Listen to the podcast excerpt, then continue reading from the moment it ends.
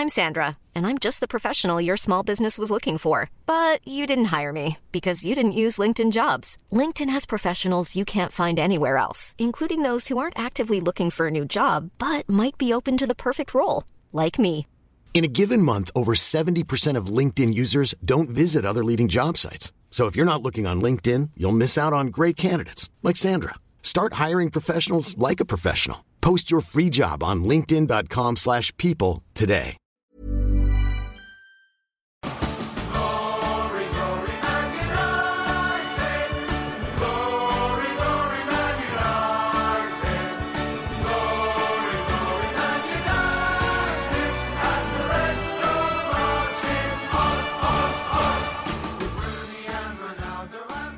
Halo pendengar ganteng-ganteng Manchester United, balik lagi bersama kita bertiga dan sekarang masuk ke sesi review. Dan teman-teman udah tahu lah ya uh, ini kita take setelah 4 banget satu jam setelah pertandingan MU lawan Leeds selesai. Yoi. dan victory for us five against one gitu kan mengulang kejayaan di musim sebelumnya. Dan teman-teman pasti udah banyak yang senang banyak yang buzzing gitu kan. Bahwa saya uh, 21 is coming meskipun baru pertandingan pertama but keep calm gitu kan. Jangan terlalu terbawa apa namanya euforia dulu masih ada 30 Gak bisa bro. Gak bisa, gak bisa. Tenang terus dia. Lima satu nih lo tahu pembukaannya aja Farane langsung datang bro di Anfield langsung di Old Trafford man. We're fucking back. itu kaget sih karena eh, dari kemarin kita di, di warga Twitter kan pada ngamuk-ngamuk ya. Ini ini kapan nih Farhan gitu kan kayak lebih lama menunggu Farhan daripada dealnya itu sendiri gitu kan. ternyata ternyata gitu kan pas kita nonton kita kan pasti fans ini nonton dari eh, pembukaannya gitu kan. Tiba-tiba ada Farhan masuk bawa jersey terus keliling stadion tuh kayak Eh itu gokil sih. Itu gokil sih bro. Itu eh, kalau nggak salah gue sempat tadi lihat ada recordnya dia tuh terbanyak di Premier League men. Eh, unveiling pemain baru dengan 75 ribu penonton. Itu sama kayak ini eh, waktu Ronaldo di unveil di Real Madrid bro. iya betul. Ah, Sama sih. 75 ribu penonton juga. Bahkan Hmm. Neymar aja di PSG cuma 45 ribu cuy. Iya, Hmm. Ini gila banget men. Seorang Champions League Varan akhirnya dibuka di opening day Premier League dengan pertandingan yang sangat-sangat luar biasa. Respect Man United ini jauh lebih bagus daripada main piano nggak penting ya. Aduh, aduh, aduh. tapi tapi gue kira malah banyak Grealish tuh bro kemarin bro. ya, elah. Nah itu mah itu efek efek kamera itu bro. Efek kamera doang, efek kamera itu. Oke oke. Iya iya karena dan juga jangan lupa kan dia apa sempat tertangkap kamera ini kan apa shake hand sama Rio Ferdinand kan dan Betul. itu menurut gue salah satu apa ya egasm lah kayak meskipun gue yakin dia gak akan main berdua as a pair ya tapi lu legend when when legend meets the future legends itu waduh tuh nggak bisa ini juga sih baru awal aja gue yakin fans MU udah udah ini banget udah udah sangat up to the moon banget sih ketika tadi dengar nonton itu juga ya Betul. Ya kayak seolah-olah ini bro, uh, passing the torch gitu lah. Nih, gue serahin tanggung jawab gue yang selama mungkin hampir 10 tahun tidak digantinya. Eh. Sekarang saatnya Anda gitu. Iya iya iya oke oke dan dan tadi kan dia menggunakan jersey nomor 19 ya itu kan menggantikan Ahmad Diallo yang sebelum pakai 19 gitu kan dan tapi seperti kita tahu ada oleh pun udah confirm ketika hari Jumat press conference bahwa saya Champions League Varan nggak akan dimainkan gitu kan. Bener ternyata emang tujuan lebih kepada unveiling gitu kan. Dan itu benar-benar sangat ini banget sih apa pembukaan di Old Trafford tuh sangat-sangat juga gitu karena ini kita bahas masalah matchnya gitu kan. Banyak gue yakin semua orang akhirnya semua mata tertuju pada hat tricknya siapa namanya Bruno dan juga apa bahkan lima asisnya yang dilakukan oleh eh, Pogba gitu kan. Tapi gue nggak mau ke sana dulu, tapi gue mau dengar dari Alvin dulu. Apa yang kemudian menjadi eh, summary Vin dari pertandingan MU sama Leeds terlepas dari skor Vin? Eh, buat gua sih Bielsa tidak belajar dari musim lalu sih. Itu itu men- menurut gua udah summary yang paling menggambarkan match tadi gitu. Karena terutama di babak kedua itu persis seperti yang terjadi di musim lalu di mana Leeds itu banyak pressing tapi nggak bisa mempertahankan bola gitu loh dan pressingnya gagal. Sedangkan kita udah udah tahu nih karena Leeds mainnya kemungkinan bakal kayak gitu, kita memasang duet yang sama seperti musim lalu yaitu McTominay dan Fred ya kan. Itu duet yang kita mocking di awal musim ini kan yang ya nggak akan kita bisa menang gitu dengan pairing itu. Cuma dengan lawan Leeds yang permainan seperti ini ini udah udah tactical masterclass menurut gua udah udah benar banget dengan cara ini dan ternyata memang terulang formulanya terulang, hasilnya juga bisa dibilang kurang lebih sama. Musim lalu 6-2, sekarang 5-1 gitu. Ya sama aja selisihnya 4 juga gitu. Jadi bukan hal yang baru sih gitu kan seperti yang kita lihat di musim lalu sih. Oke, okay. dan balik lagi ya, apa namanya? I think salah satu uh, momen ketika MU itu bisa mengulang itu ketika golnya ini ya gol ketiga kali yang dari Bruno yang menurut gue kayak ya it's over aja. Gue ngerasa vibes-nya gitu kan, dan gue gak tahu ke Saung. Tapi gue udah ke Saung. Setelah kemarin, uh, setelah tadi gue lupa yang mencetak gol tuh menurut gue keren banget sih gol Leeds tuh dari luar kotak gitu kan. Iya. Apakah lu ngira akan terjadi pembantaian lagi gak, Om? Gue sejujurnya tidak mengira akan terjadi pembantaian ya karena mungkin saya masih khusnuzon terhadap uh, Bapak Marcelo Bielsa gitu bahwa dengan seharusnya dengan pertandingan musim lalu tuh harusnya ada ada hikmah yang bisa dipetik gitu kan seharusnya cuman hmm. mungkin karena uh, beliau juga pelatih senior mungkin ada ada mungkin ada ego gitu kali ya kayak masih bisa nih harusnya pakai formasi ini gitu untuk untuk lawan United. Cuman akhirnya juga kocar kacir. Nah menariknya adalah mulai dari musim lalu kita tuh selalu ini bro, selalu punya feeling bahwa United tuh pasti akan bisa nyekor lagi gitu loh. Hmm. Dari musim lalu kan seperti itu. Jadi walaupun golnya emang beneran luar biasa gitu ya si Luke Ayling yang out of nowhere gitu, hmm. uh, somehow gue pasti akan yakin bahwa United akan bisa cari cara untuk bikin gol dan terbukti bahwa mungkin lima menit setelahnya tiga empat menit setelahnya itu Pogba passing ke Greenwood dengan sangat-sangat cantik gitu ya. Dan akhirnya terjadi gol gitu. Dan setelah itu selang 10 menit ada tiga gol men. Barengan gitu loh langsung men Bruno hmm. Fernandes dengan passing Pogba lalu Lindelof passing ke Bruno dan itu passing yang luar biasa sangat luar biasa dari Lindelof. Jadi ya memang opening day yang cukup cukup luar biasa gitu loh untuk melawan Leeds United ini mungkin pertandingan yang sangat-sangat perfect lah jauh lebih perfect daripada waktu lawan Chelsea musim lalu ya kita menang hmm. 4-0 Oke, okay, I see, I see.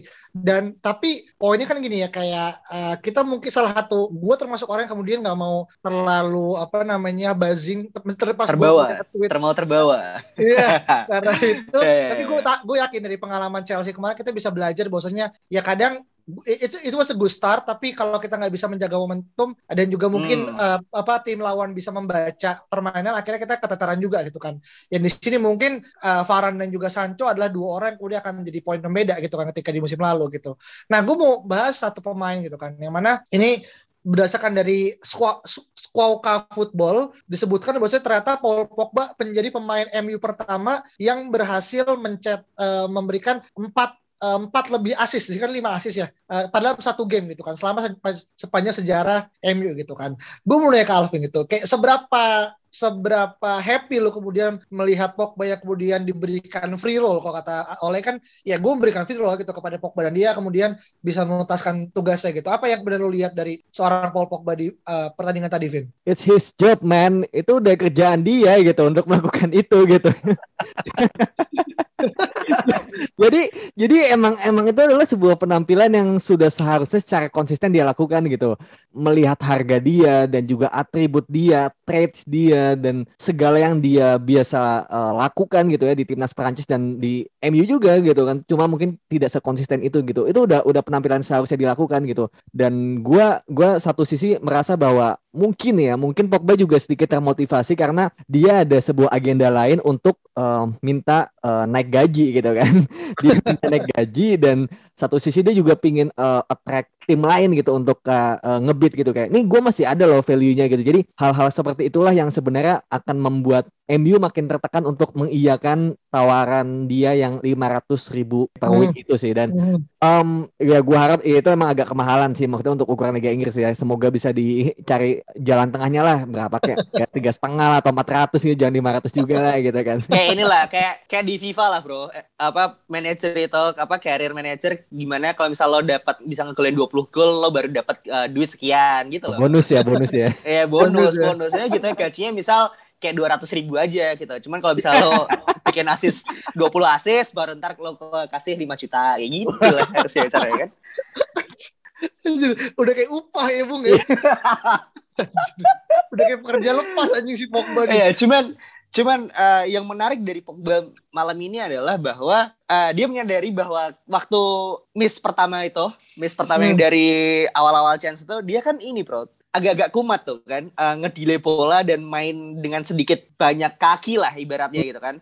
Hmm. Tapi ketika habis itu dia baru main simple man karena one two touchnya dia tuh emang emang beneran bagus banget dan itu yang pasti diminta oleh oleh adalah main simple aja gitu loh. Pogba itu bagusnya tuh main simple doang. Benar benar. Kayak nggak perlu nggak perlu lo delay, nggak perlu ngetrik-trik segala macam karena dengan passing-passing kayak misal passing waktu ngefret ngegolin itu itu bagus banget main menurut gua gitu. Hmm. Cara dia delay larinya lalu akhirnya main passing one one passing gitu kan. Itu bagus banget coy. Hmm. Benar-benar. It's it's all about timing gitu. Jadi kalau misalnya gua baca di mana, lu punya segalanya, lu punya skill, lu punya kemampuan apa pun semuanya tuh lengkap di lu. Cuma kalau lu nggak punya timing ya, it's nothing gitu loh, percuma gitu. Kalau lu nggak bisa memanfaatkan itu dengan sebuah timing yang tepat gitu. Hmm, I see, I see. Dan juga sebenarnya kalau kalau tadi tuh gue gini, gue tuh kalau kalau lo perhatiin di di menit, ah, sorry di babak pertama ada yang Pogba tuh hampir asis pakai dada. Sayangnya Fernandesnya nendangnya kecepatan tuh kelambatan tuh gak sih lo yang dia di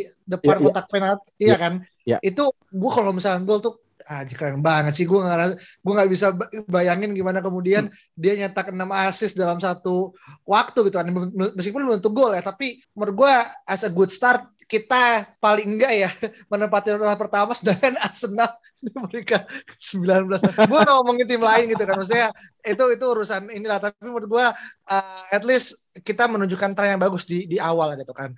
Nah uh, tadi gue dibaca ternyata yang dapat time tuh Bruno Fernandes gitu kan. Menurut gue ya udahlah dia dia nyetak hat trick dan tadi ketika dia di bahkan ketika gue nonton tadi pas dia diwawancarain dia itu harus pakai headset bro sama Mason Greenwood karena saking kencengnya saking di, ramenya. di itu hmm. uh, ngecan tentang dia dan dia sambil di interview tuh berketawa-tawa gitu karena dia masih nggak nyangka kalau ter Angelina sekencang itu gitu kan tapi intinya he's really stole the show lah gitu lu ngeliat Bruno Fernandes yang kemudian uh, bermain sebagai ya playmaker kita masih pakai 4-2-3-1 ya untuk yeah, malam yeah. ini gitu kan dan kita sejujur nggak main pakai striker murni kan karena mm. as you know uh, apa namanya Greenwood lebih kepada main lebih lewat samping gitu kan apa yang kemudian lu lihat dari dari performa Fernandes sebagai seorang apa namanya AM tanpa adanya CF Bro Saung? Bro, Bro Fernandes tuh lo kasih bola aja lah dia pasti bisa lah ini apa namanya mengupayakan gitu ya karena lo lihat aja gol ininya bro. Gol gol terakhirnya dia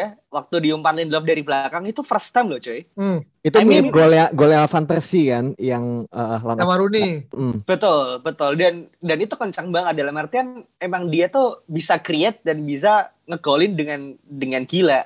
Waktu oleh kemarin bilang nggak seharusnya nih kita punya midfielder ngegolin 20 sendirian gitu 20 gol sendirian I think he took that personally, man. Dengan, dengan ngegolin tiga gitu sekarang. Karena ya emang orang ini bisa bisa main di posisi mana aja di depan gitu. Nah, waktu uh, McTominay ditarik, yang mereka udah waktu McTominay ditarik, intensitasnya tuh malah makin berkurang, cuy. Mm. Gitu.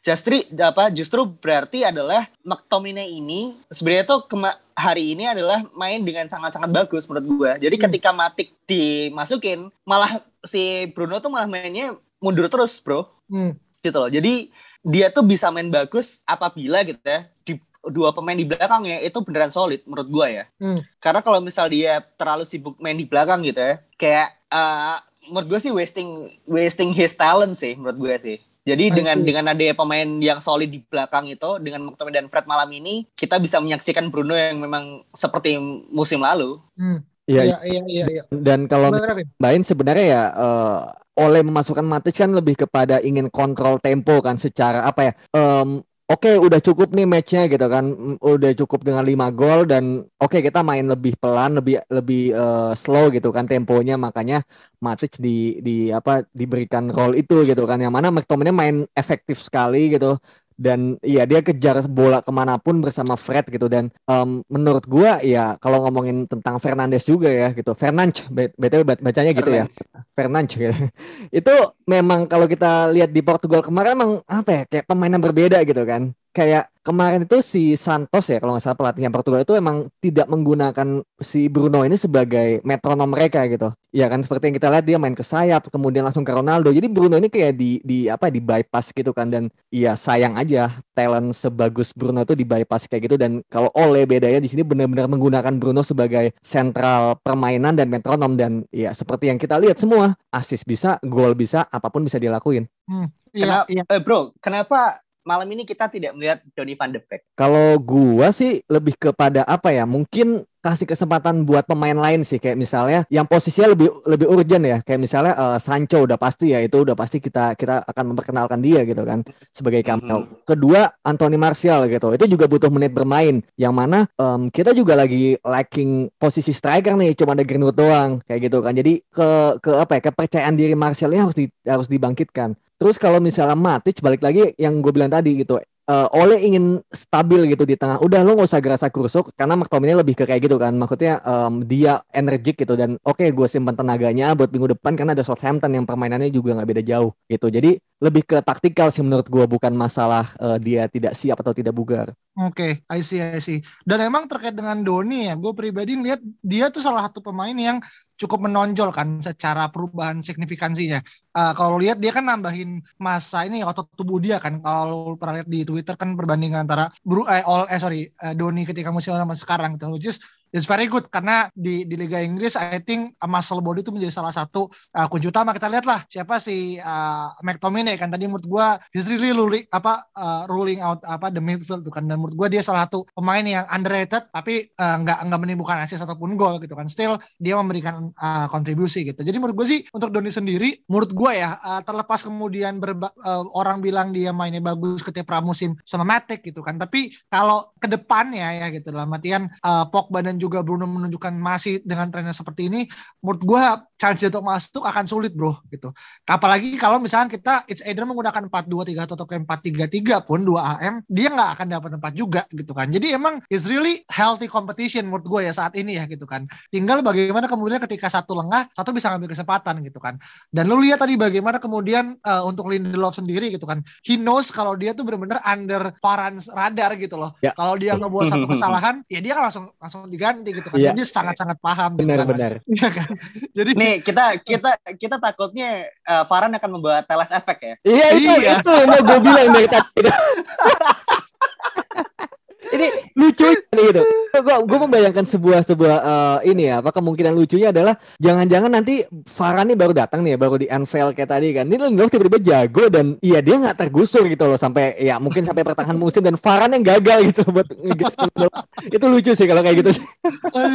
Atau atau MU akan main tiga back bro. aduh. Eh, iya bisa tuh? sih Bisa kan? Bisa, Bisa, cuman bisa. ya midfield kita akan akan akan sangat pack banget sih. Kalau misal di kanan dan kiri ada Luke Shaw dan Wan Bisaka ya. Hmm. Hmm. Dan soalnya gimana ya? Back back ini menjadi jadi masalah yang cukup cukup pusing gitu loh kan dengan melihat performa Lindelof malam ini gitu kan. Masalahnya gue aduh gue mau match orang lain nggak enak gitu. Aduh. Nggak maksudnya ada ada suatu uh, pemain gitu ya, certain player with that price tag gitu kan, dengan permainan yang dia tampilkan semalam itu it's it's it's unbelievable man gitu dengan dengan dengan duit gitu dengan penampilan seperti itu gitu. Sementara kita sekarang punya Lindelof yang yang cukup solid gitu malam ini, Maguire yang selama satu musim tidak tergusur dan Champions League Varan gitu. Hmm. Jadi mungkin ini akan menjadi problem yang cukup menarik bagi Ole ke depannya sih menurut gua. Hmm, iya iya iya. Iya benar karena karena menurut gua sekarang tuh udah cukup healthy banget ya gitu kan dan hopefully uh, permasalahannya lebih kepada bagaimana oleh bisa merotasi pemain sesuai dengan jam terbang gitu kan. Karena kita pun akan akan involve di empat empat empat leagues kan. Maksudnya dua cup kal, satu cup inter sama satu Liga Inggris gitu kan. Gue yakin oleh pun udah paham siapa yang akan ditempatkan dan semoga itu bisa jadi salah satu kunci utama kita untuk kemudian minimal kalau kata Alvin kan dua dua trofi lah kalau misalkan satu kalau yang sekarang satu lagi kalau misalkan kita datangin defensive midfield ya Vin ya Iya. Iya, Title challenger lah bisa kalau dia. Iya, iya, iya kayak gitu. Nah, ini barusan gue ngeliat juga kan, ternyata Jesse Lingard baru aja nge-tweet sebuah tweet yang berjudul PPXBF gitu kan. Dan itu dapat sekitar 86 ribu likes dalam kurun waktu 30 menit. Dan menurut gue ketika seorang Jesse Lingard mengapresiasi Bruno dan juga Pogba, yang mana menurut gue Lingard kan posisi agak mirip ya dengan Bruno ya. Dia sebagai HM gitu kan. Dan lucunya tuh lah ketika lu baca komennya dia bilang, you won't get any time play gitu kan. Go to apa West Ham gitu, go to West Ham. Jadi kayak lu menyemangati orang yang mana lu orang itu yang ngambil posisi lu gitu. Jadi sebenarnya agak agak lucu juga gue ngelihat ini ya apa konteks Lingard gue atau dia tadi ada atau enggak di di bangku pemain gitu kan. Tapi Itu itu di akun dia atau di akun MU? akun dia, di akun dia, akun dia kok. Oh, keren akun dia lagi admin eh uh, sosmed MU. Enggak bro, akun dia dia. oh dia ya. Oke. Oke oke oke oke. Nah mungkin Ya. ini sih, ini ini yang Mhm. mungkin ini ya bahasan terakhir terkait dengan pemain yang udah kita tunggu lama-lama dan sayangnya eh gue gue harus gini tadi sebenarnya James tuh masih dengan permasalahannya ya. Dia masih bingung terkait dengan decision making, terkait dengan eh, apa namanya shooting dan segala macam. Karena menurut gue dia tuh minimal bisa dapat satu gol. Kalau tadi dari apa yang udah ditampil ya di babak pertama dan kedua Ya, gitu kan. ya. Mm. Dan sialnya eh, bukan Sancho gitu. Gol misalnya Sancho, gue udah expect XG-nya udah mungkin naik gitu kan. ya tadi ya. Kalau kalau kalau Sancho gitu kan. Tapi at least dia main dia nyicipin bagaimana kemudian eh, apa bangku eh, sorry eh, lapang Old Trafford dan apa yang lu bisa kasih impression terhadap eh, kehadiran Sancho yang main di menit ke-8 gue kira 78 atau 80 gitu 10 menit lah dia main apa Vin yang lu bisa tangkap dari performa Sancho Vin Dia tuh touch-nya kayak apa ya? Kayak luas banget gitu loh. Ini ini ini cuma dari dia dia pegang bola kan cuma beberapa menit aja ya sebenarnya gitu. Hmm. Jadi nggak banyak yang bisa di highlight gitu. Cuma cara dia uh, dribble bola, dari cara dia apa ya sentuhan-sentuhan yang dia lakuin itu kayak apa ya? Bola itu nempel di kaki dia itu. Kayak Messi lah gitu. Buset. Ya, agak, agak ini juga hiperbola juga sih. Cuma cuma beda lah kalau misalnya kayak ada Martial atau Rashford atau siapa pun yang pegang sama Sancho yang pegang tadi ya. Kalau dari beberapa menit Hmm. tadi itu tuh kayak dia benar-benar bola itu mau nurut gitu sama apa yang dilakuin sama kakinya Sancho gitu.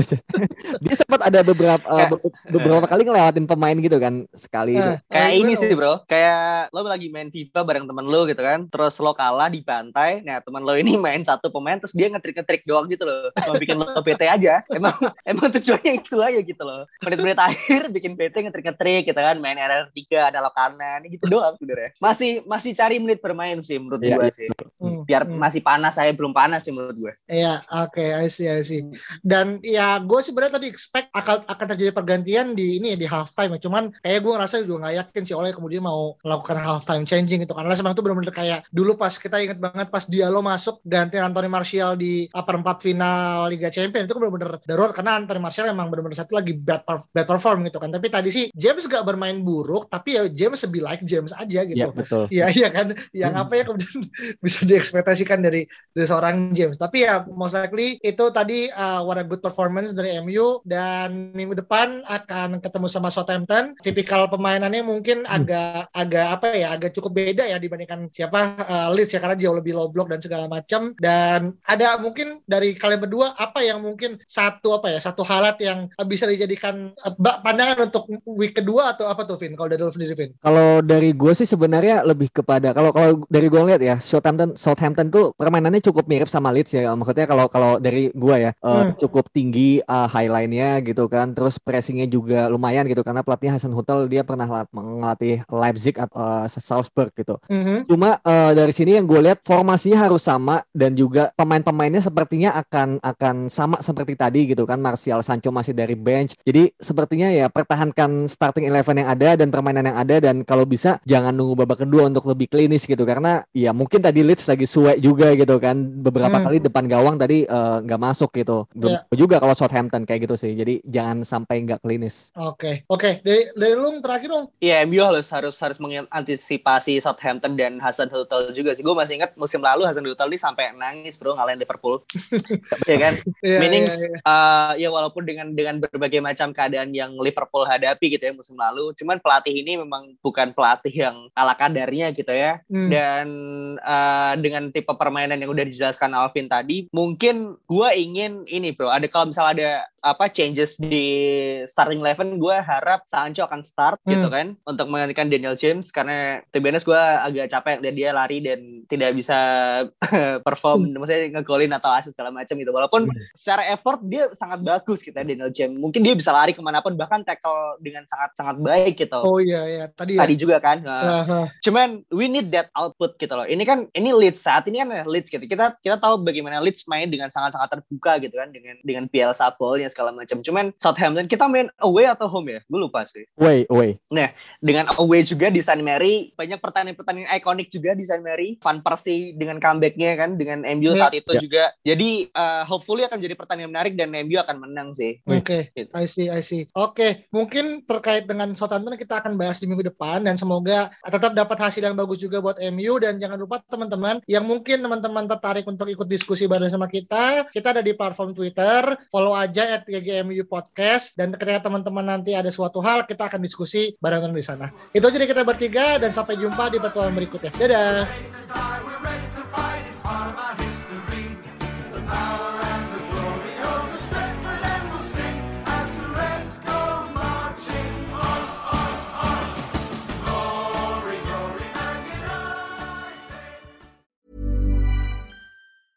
Even when we're on a budget, we still deserve nice things. Quince is a place to scoop up stunning high-end goods for 50 to 80% less than similar brands. They have buttery soft cashmere sweaters starting at $50, luxurious Italian leather bags, and so much more. Plus, Quince only works with factories that use safe, ethical, and responsible manufacturing. Get the high-end goods you'll love without the high price tag with Quince. Go to quince.com slash style for free shipping and 365-day returns.